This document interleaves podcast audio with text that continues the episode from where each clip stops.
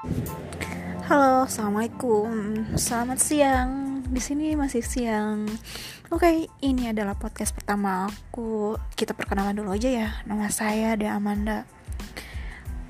Saya seorang guru di salah satu SMA di Bandung Barat saat ini ya.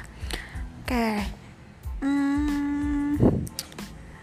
saya membuat kayak ini tuh karena nggak tahu kenapa tertarik aja. Oke untuk ke depannya mungkin saya akan cerita-cerita ngobrol ke mana kemari atau ngobrol yang saya rasakan. Hmm, karena saya guru bahasa Jepang jadi saya namakan podcast ini Sensei Podcast. Oke okay. dengarkan terus ya suara aku. Oh my god suara aku tidak enak sebenarnya